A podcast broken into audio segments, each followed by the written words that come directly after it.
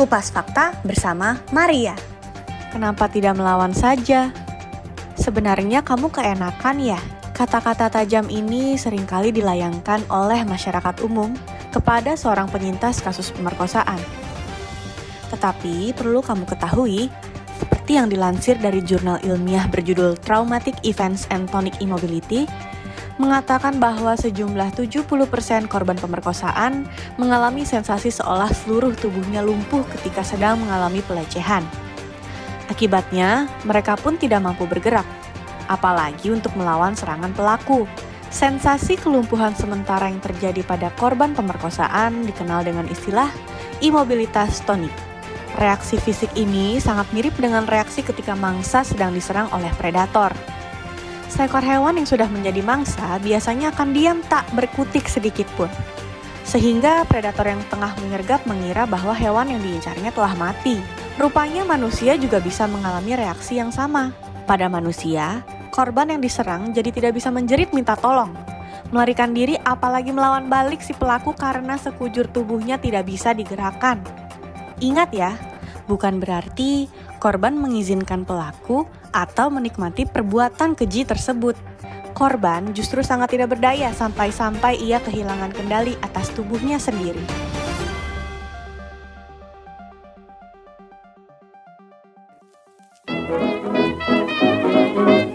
Pot Puan, beranikan keadilan, suarakan kebenaran.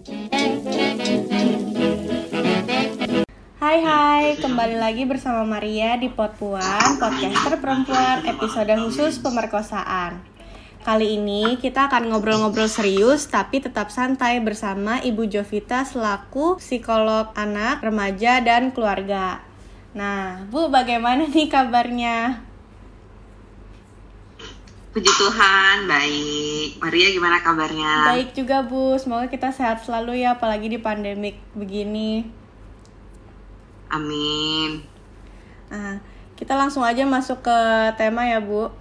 Tema hari ini ya. yaitu kita membahas tentang bagaimana menangani uh, korban kasus pemerkosaan, khususnya korbannya yaitu perempuan ya, Bu.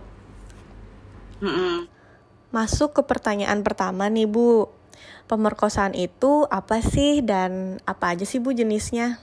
Mungkin kita awali dulu dengan uh, pemerkosaan itu apa sih gitu ya. ya. Pemerkosaan itu uh, tindak apa namanya tindakan pemaksaan hubungan seksual dalam bentuk apa pun. Iya. Uh, dalam bentuk apa pun tuh maksudnya nggak cuma penis ke vagina ya. Iya.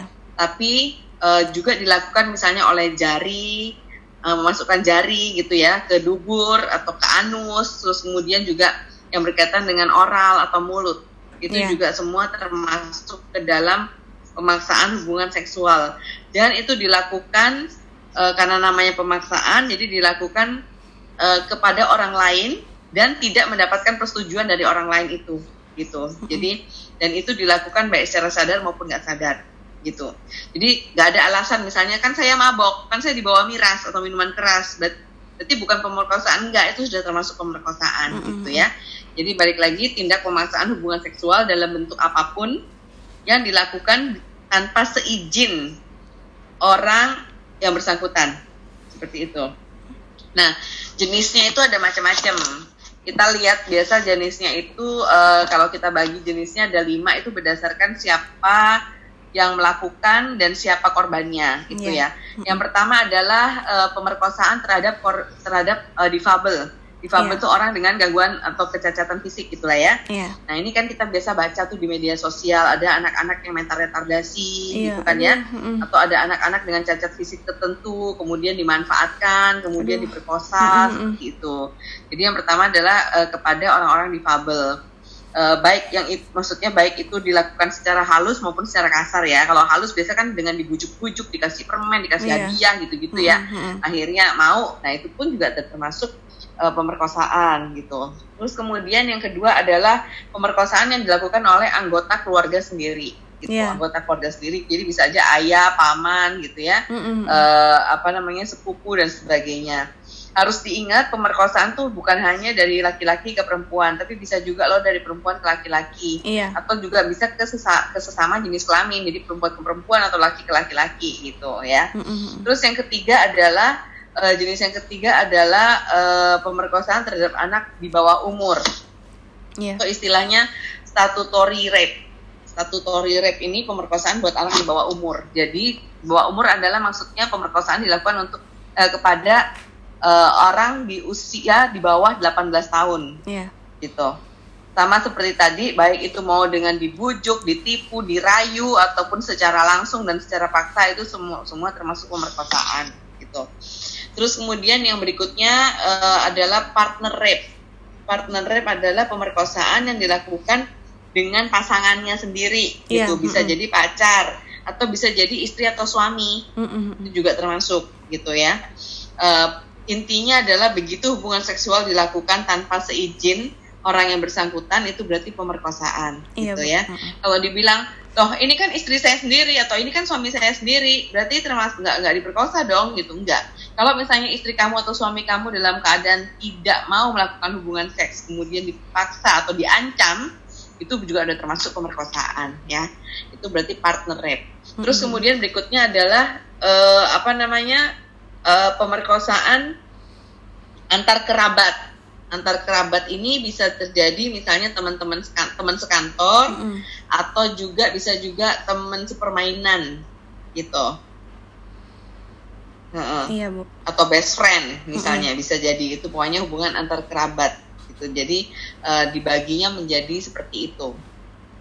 Sebenarnya bagaimana sih Bu e, cara penanganan yang tepat bagi para korban pemerkosaan khususnya yang perempuan ya Bu ya? Mm -mm cara penanganan uh, korban pemerkosaan ya. Iya bu.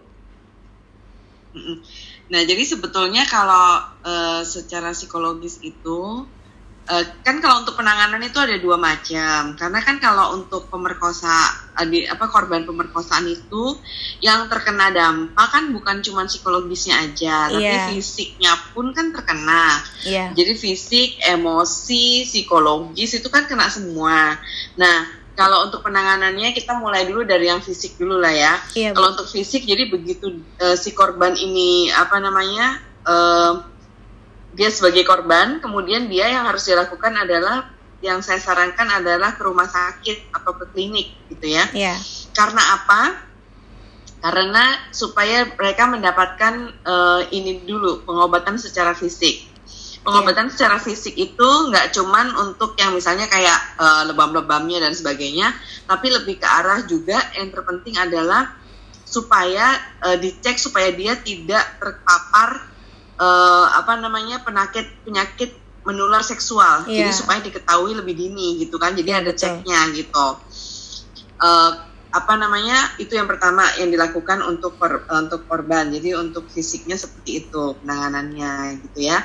Nah kalau secara hukum nah itu dikembalikan kepada si korban dan keluarga biasanya. Apakah mau diproses secara hukum atau enggak gitu kan? Yeah. nah kalau mau diproses secara hukum nah berarti dia bisa melaporkan kepada pihak yang berwajib.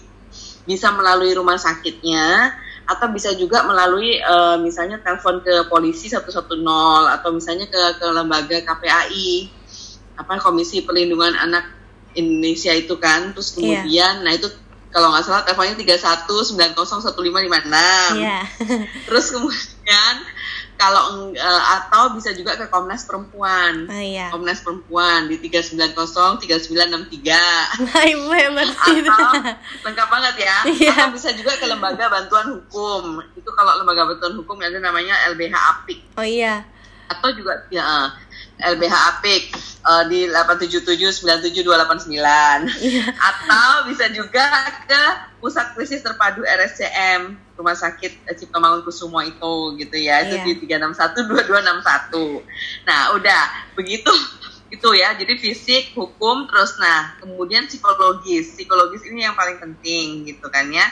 Karena apa? Karena memang si korban ini kan biasa akan merasa uh, dampaknya itu adalah uh, biasa menarik diri, panik, takut, malu, yeah. shock, depresi gitu kan, agitasi, agresi, paranoid, mudah kaget, PTSD atau post traumatic syndrome Wah, banyak banget ya, Bu. disorder. Terus kemudian gangguan cemas, gangguan panik, depresi, bahkan hampir uh, bahkan ada juga yang mengarah langsung mau ke bunuh diri gitu iya, kan ya. Iya. Nah, jadi penanganannya itu kalau secara psikologis ya pakai uh, apa namanya? konseling dan psikoterapi.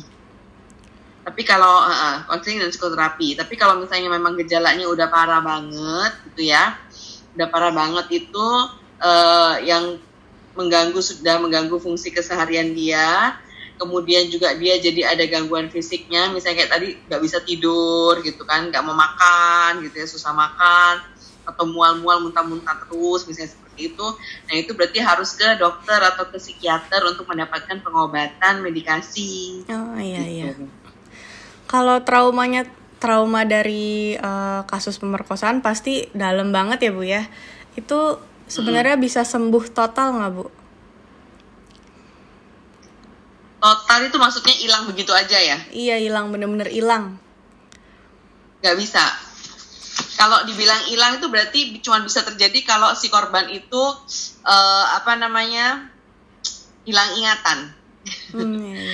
Selama dia masih punya memori yang normal, nggak hilang ingatan, misalnya nggak kebentur, nggak kecelakaan gitu ya, yeah. atau nggak ada penyakit tertentu yang memang mengenai uh, apa gangguan ingatannya, nah itu itu akan melekat gitu.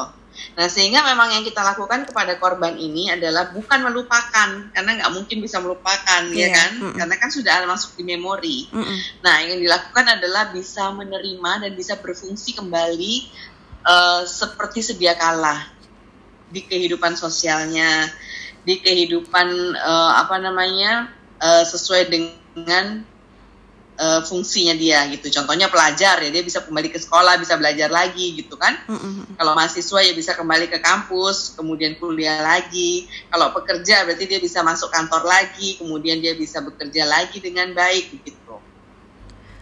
Uh, kalau ini Bu Uh, kenapa sih Bu sebenarnya pelaku bisa melakukan pemerkosaan? Kan bisa dilihat dari latar belakang mungkin ya? Atau bagaimana Bu? Mm -hmm. Kenapa pelaku itu bisa melakukan pemerkosaan gitu ya? Itu ada banyak faktor.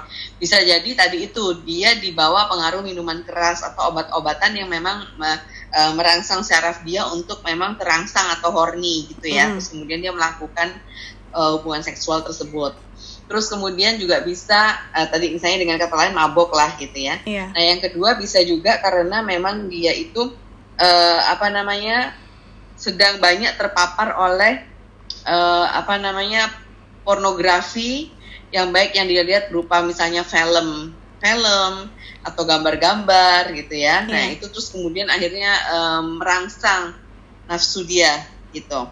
Bisa juga karena uh, orang itu misalnya contohnya kalau di usia usia tertentu yang belum pernah uh, mungkin uh, apa namanya kemudian merasa bahwa ingin tahu jadi bisa jadi karena ingin tahu yang berlebihan dan tetapi tidak disertai dengan uh, fungsi moral yang baik dan kontrol diri yang baik. Jadi akhirnya dia bisa memperkosa orang.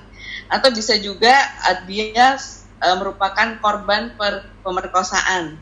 Mm -hmm gitu dia merupakan korban pemerkosaan di masa lalunya atau di background belakangnya itu terus kemudian dia merasa bahwa aku harus balas dendam misalnya oh, iya, iya. ya kan uh -uh. bahwa aku sudah kotor begini aku nggak mau kotor sendiri aku mau ngotorin orang lain gitu oh, bisa iya. juga seperti itu uh, apa bisa juga memang uh, dia adalah seseorang yang uh, hiperseks gitu hmm, loh hmm. jadi memang ke apa namanya uh, dia memiliki uh, apa hasrat seks yang sangat tinggi yang menggebu-gebu yang selalu ada di dalam dirinya dan itu semua berkaitan dengan uh, apa namanya cairan yang ada di otaknya. Hmm, gitu cairan yang ada di otaknya ada ada fungsi-fungsi tertentu yang berkaitan dengan seksualitas itu memang uh, apa namanya sedang apa selalu dalam keadaan yang tinggi gitu ya jadi hypersex nah akhirnya dia harus selalu melampiaskan uh, kebutuhan seks tersebut kepada orang yang ditemuinya mm-hmm. atau siapa pun yang memang dianggap sama dia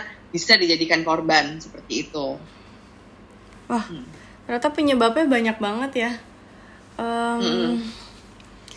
Tapi sebenarnya kan itu uh, bisa uh, bisa juga karena kurang pendidikan seks ya bu ya. Sebenarnya bagaimana bagaimana ya bu ya kiat-kiat mendidik generasi berikutnya untuk justru tidak memerkosa karena kan selama ini kayaknya uh, belum banyak uh, apa hmm. seks edukasi tentang itu ya. Hmm. Ya, sebetulnya itu adalah perpaduan antara seks edukasi sama pembelajaran moral ya. Ternyata. Iya. Moral itu kan ten- tentang baik buruk gitu, mana yang boleh dilakukan, mana yang nggak boleh, mana batasan kamu dan batasan orang lain, mana yang dan mengajarkan kita untuk privacy orang lain dan sebagainya gitu kan ya. Iya. Nah, plus juga di blending dengan tadi yang kau- yang eh, Maria katakan tuh bener banget, jadi pendidikan seks yang kurang gitu. Mm-mm. Jadi memang eh, ada orang-orang yang memang karena kurang pendidikan seks itu menganggap bahwa ah seks itu buat main-main nggak apa-apa gitu Iya. kan. heeh. Ah tadi itu misalnya ah ini kan dia pacar aku berarti nggak apa-apa atau misalnya ah dia kan suami aku nggak apa-apa gitu kan ya. Nah seperti itu. Nah jadi karena pendidikan seks yang kurang didapatkan eh, ini bisa memang memicu apa seseorang itu untuk menjadi pelaku eh, pemerkosa gitu pemer- pelaku pemer- pemerkosaan. Nah memang jadi yang sangat disayangkan hal itu oleh karena itu memang sangat dihimbau adalah sebetulnya yang paling bag, yang paling baik adalah tadi itu pendidikan seks itu kan dilakukan secara bertahap ya Iya. dari usia yang paling dini di bawah lima tahun, kemudian bertahap naik ke usia SD, naik ke usia SMA, naik ke usia remaja gitu, dan juga pada saat seseorang itu mau menikah, Hmm. itu dia harus kayak di agama apa pun, mereka kayak harus mengikuti sebuah kursus kan, Oh iya, kursus persiapan pernikahan. Iya. Nah itu penting banget. Jadi di situ pasti akan diselipkan materi yang memang berkaitan dengan hal ini seperti itu. Nah jadi eh, apa itu eh, yang dilakukan sebagai fungsi pencegahan tentunya. Oh iya. Ya kan pencegahan dilakukan dari pihak keluarga, kemudian di area-area tadi itu di area masyarakat adalah pada saat dia mau menikah. Itu diberikan kursus-kursus tersebut. Nah, sehingga diharapkan jadi dari keluarga udah dapet nih pembelajaran moral plus plus pendidikan seks. Kemudian di tadi itu di masyarakat fungsinya di masyarakat misalnya dalam bentuk eh, kegiatan kerohanian gitu kan ya karena Iya. tadi itu kan merupakan syarat untuk menikah. Mm-mm. Nah, itu juga didapatkan. Jadi kan sudah dapat keluarga, sudah dapat di pasal pada saat mau menikah gitu kan ya.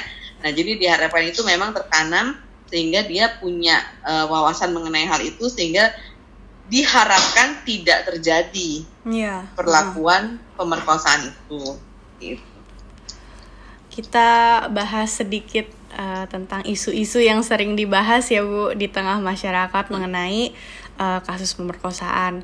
Pasti eh, banyaklah di media-media yang pada akhirnya membuat netizen nih akhirnya bilang, "Wah, ini pemerkosaan tuh gara-gara bajunya, gara-gara si Hmm. perempuannya keluar malam." Apakah itu benar-benar bisa dijadikan eh, penyebab patokan gitu Bu, penyebab dari pemerkosaan Mm-mm. sebenarnya? Nah, sebetulnya itu yang saya sangat disayangkan ya, Iya. karena jadi menyalahkan si korban gitu loh, Mm-mm. ya kan? Iya. Padahal sebetulnya yang salah ya pelaku. Gitu. Yang disalahkan adalah, "Eh, kamu sih pakai rok mini, kamu sih pakai tank top." kayak gitu kan ya. Iya, heeh. Nah, padahal dia mau pakai rok mini, dia pakai tank top gitu kan. Tapi kalau misalnya itu kan hak dia sebetulnya. Bener nggak? Iya. Memang itu akan merangsang birahi, tapi tetap aja itu hak orang gitu kan ya. Mm-mm. Nah, sehingga sebetulnya yang penting ini adalah ya kalau orang lihat kan dia bisa kontrol dirinya untuk memang tidak melakukan itu, Iya. ya kan? Karena tadi balik lagi kalau memang pendidikan seksnya dan moralnya benar, fungsi moralnya juga berjalan dengan baik, dia tahu dong batasan diri dia sama orang lain dan dia bisa menghargai privasi orang lain Iya. gitu. Bahkan kayak ngelihat aja ke daerah-daerah tersebut dalam waktu beberapa detik gitu ya, Mm-mm. itu juga sebetulnya kan sudah termasuk pelecehan seksual kan gitu ya memang memang kalau kita bilang bahwa e, dari sisi si korban sebaiknya menjaga diri Iya. ya kan Mm-mm. sebaiknya menjaga diri misalnya kayak tadi e, e, berpakaian yang proper dan sebagainya tapi itu bukan menjadikan alasan seseorang itu boleh diperkosa Mm-mm. gitu tetap salah kesalahan itu tetap berada pada si pihak pelaku gitu. seperti itu Hmm. tadi aku mau tambahin kalau untuk eh, apa namanya yang fisik ya Iya. yang untuk apa namanya penanganan tadi kan aku bilang ada secara fisik kemudian secara eh, psikologis dan emosi dan secara hukum Iya. ya kan nah untuk secara fisik ini buat edukasi juga yang lain kalau misalnya eh, siapa aja yang memang berada dalam situasi eh, sebagai korban pemerkosaan, kemudian kamu datang ke rumah sakit gitu kan ya. Iya. Nah itu sebaiknya kamu jangan ganti baju, kamu jangan mandi dulu. Oh iya iya iya. Jadi kamu harus langsung datang. Kenapa? Karena dengan kamu mandi, dengan kamu ganti baju itu mempersulit proses kalau misalnya kamu mau ajukan ke hukum Hmm, gitu. hmm, hmm. Karena kan nanti akan divisum dan segala macam kan. Iya. Nah seperti itu. Oh jadi begitu. Dan ya? memang kalau dari saya sih sarankan memang lanjutkan ke ranah hukum. zaman dulu pasti masih masih sedikit kali ya Bu yang berani eh, untuk melapor ya. Kalau sekarang Betul. mungkin berkembang ya karena kan kalau dilihat dari catahu Komnas Perempuan juga kayak semakin meningkat berarti kan semakin semakin banyak juga yang melapor ya. Mm-mm, betul. Karena kenapa kalau sekarang kan wawasan masyarakat wawasannya udah makin terbuka kan, Iya. bahwa mereka korban dan mereka membutuhkan pertolongan. Pertolongannya dibutuhkan buat apa ya? Buat kesehatan mental dia sebetulnya, gitu. Luka fisik mungkin dia bisa obatin, ya kan maksudnya. Iya. Tapi kalau luka luka yang dia bawa, traumanya, PTSD-nya, post traumatic stress disorder-nya, itu kan sampai kapan pun nggak hilang gitu Iya. dan itu ngaruh ke kesehatan mentalnya. Nah sehingga eh, dan wawasan-wawasan mereka kan sekarang teredukasi gitu kan melalui media-media massa, kemudian mulai sosial media. Jadi karena memang sudah teredukasi melalui sosial media dan sebagainya gitu kan. Nah terus plus sudah banyak lembaga-lembaga yang bisa dihubungi secara langsung kayak Hmm, tadi saya hmm, sebutkan beserta nomor teleponnya itu. Iya. Oh sekarang Gitu. juga Nah, mereka gampang dihubunginnya ya Bu ya lewat eh, media Iya, sosial. gampang banget dihubunginnya. Jadi mereka tinggal telepon dan sebagainya dan eh, tetap kan eh, privacy itu tetap dijaga gitu kan. Iya, Misalnya kayak kamu uh, ke dokter atau ke mana itu dia akan menjaga privacy gitu loh, ya kan? Mereka em, misalnya pun mereka me- mensuggest atau menyarankan ke ranah hukum itu pun atas seizin kamu kok. Oh, Jadi iya, bukannya iya, karena tiba-tiba kamu ujuk-ujuk lapor atau dari rumah sakit dan sebagainya terus kemudian dilaporkan ke, ke ke hukum enggak. Jadi tetap atas seizin kita gitu. Mhm. Nah, kalau untuk orang-orang atau korban yang mungkin karena satu dan lain hal kemudian nggak mau eh, takut atau misalnya nggak mau ke ranah hukum, bisa ke LBH kok lembaga bantuan hukum itu. eh, jadi intinya itu cuman kayak gini loh. Kayak kamu dikasih eh, apa namanya nanti konseling dan psikoterapi Hmm. gitu, nggak apa-apa juga gitu kan. Pokoknya yang penting adalah kesehatan mentalnya dulu gitu. Gitu. Bu, pesan untuk masyarakat nih, eh, karena kan menangani eh, yang menangani korban itu kan bukan cuma psikolog dan yang seperti seperti badan hukum dan sebagainya kan kita juga kan sehari-hari juga akan bertemu sama korban. Bagaimana sih cara kita eh, sebagai eh, masyarakat ini harus bersikap apa yang yang nggak boleh dilakukan yang dikatakan supaya tidak memerkosa dua kali gitu istilahnya. Sorry gak kedengeran yang terakhir kenapa? Ah, eh, apa saja eh, yang harus kita lakukan dan tidak lakukan ketika kita misalnya berteman dengan eh, korban supaya kita tidak memerkosa dua kali. Oh, jadi sebagai si pelaku nih. Kita sebagai enggak kita sebagai eh, masyarakat nih kan kita akan bertemu sama korban eh, siapa pun itu kita akan berteman. Bagaimana sih kita harus bersikap apa yang tidak boleh kita lakukan supaya traumanya tuh nggak timbul lagi gitu bu. Hmm, ya. Yang nggak diboleh lakukan jadi don'ts-nya ya. Don'ts-nya itu yang pasti adalah satu em, jangan melabel apa pun kepada diri dia gitu. Karena dengan kamu nge-label itu udah jahat banget. Jadi kamu sekali nge-label itu akan menurunkan harga diri dan konsep diri orang tersebut. Mhm. Kamu nggak usah nge-label pun dia sudah turun harga dirinya dan Iya. konsep dirinya gitu kan dan dia struggling untuk menaikkan itu gitu. Nah sehingga satu jangan di-label. Kemudian yang kedua adalah nggak usah ditanya-tanyain, nggak usah sok kepo. Iya. Jadi nggak usah, eh kemarin itu yang kamu diperkosa tuh kayak gimana? Coba ceritain lagi Oh, gitu, itu jahat kan? banget itu. Nggak usah. ya itu hyperarousal. Jadi Iya. kayak jadi kayak kamu justru akan membangkitkan memori Mm, dia mm, mm. gitu kan. Dia lagi berjuang buat untuk nggak inget-inget itu lagi gitu kan dengan Iya. proses psikoterapi dan sebagainya. Tapi kan sekali kamu tanya-tanya mulu, tanya-tanya mulu, ya jadi keinget lagi lah gitu ya kan. Jadi sebetulnya dua hal itu yang paling downs-nya gitu. Jadi jangan melabel, jangan eh, sok kepo nanya-nanya tentang peristiwa itu lagi. Ya. Nah, yang harus dilakukan apa? Yang harus dilakukan adalah ya ber- ber- berteman aja seperti biasa, dengan membahas dengan topik-topik yang lain yang memang biasanya kamu bahas di pergaulan kamu gitu. Hmm, hmm. Nah, jadi uh, dan sebisa mungkin ya bantu dia untuk kembali ke peran dia semula gitu. Iya. Mm -mm.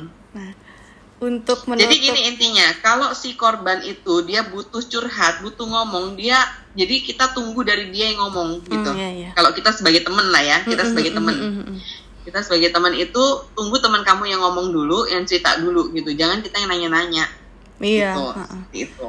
Intinya jangan kepo ya bu ya. Karena uh, karena kesiapan seseorang itu kan berbeda. Iya. Dan yang paling paham kan diri dia sendiri tentunya.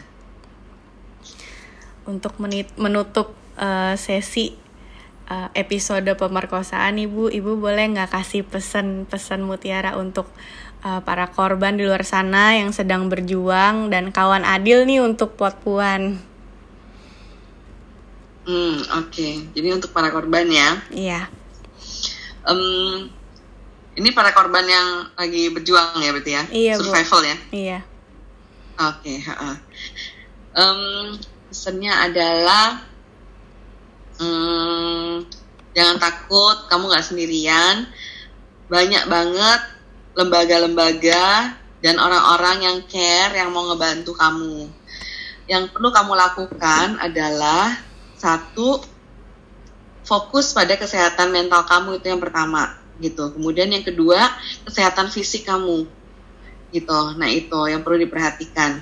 Nah eh, tadi kan sudah saya sebutkan semua lembaga-lembaga atau bantuan-bantuan yang bisa dihubungi itu mereka semua bersahabat dan mereka semua sudah ahli di bidangnya yeah. gitu.